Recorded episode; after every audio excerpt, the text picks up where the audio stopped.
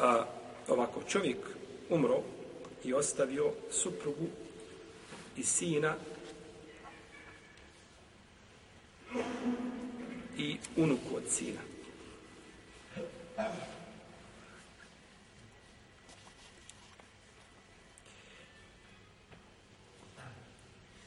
Ovdje vidimo, prvo tražimo ashabul furud.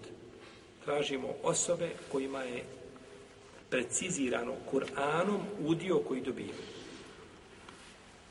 Znači, kur'anskim tekstovima je određeno šta će dobiti.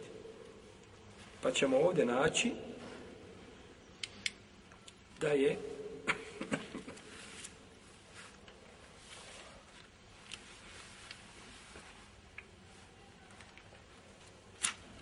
da supruga ima pravo na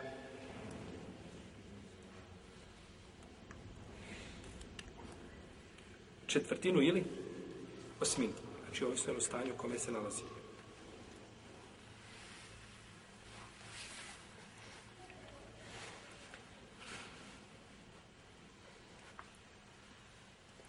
Što se tiče unuke od sina, ona će biti, znači ona će biti spriječena i neće znači dobiti ništa od nasljedstva zbog prisustva Koga?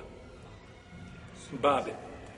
Prista babe, prista sina Mejta, znači. Ona je unuka, on je, znači, babo, pa će njoj spriječiti.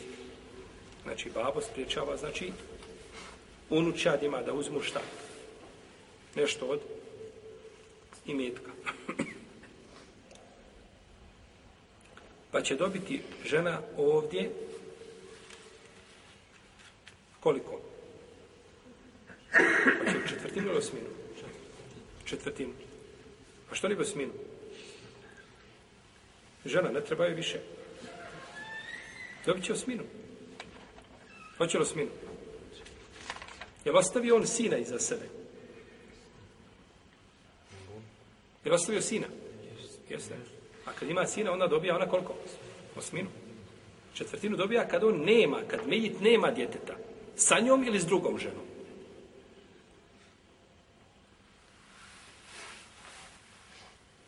ولهن الربع مما تركتم ان لم يكن لكم ولد فان كان لكم ولد فلهن الثمن مما تركتم نيما pripada četvrtina od onoga što ste ostavili ako nema te djeteta ako meji nema djeteta a ako ima dijete onda njoj pripada koliko osmina njoj pripada osmina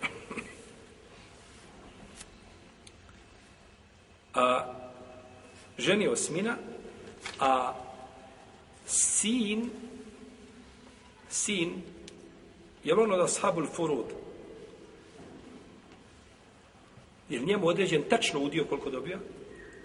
Nije. Pa on nasljeđuje ta siben, znači bez određenog udjela, ostatak i metka. Pa kada bismo uzeli da je mesela od osam, osam automobila, osam hiljada, osam kuća, uzmite šta hoće, osam, je u redu? Ona dobija jedan udio, ko? žena, to je osmina. A ostatak ide kome? Sin, sedam. Umro, babo ima osam kuća. Sve iste vrijednosti, jedna do druge, na istoj parceli, sve isto, bez ikakve razlike. Sedam ide sinu, a jedna ide kome? Znači, ženi. Ne mora biti njegova mama. Znači, nećemo kazati majka. Jer žena može biti i da mu nije šta. Da mu je maćeha, je tako?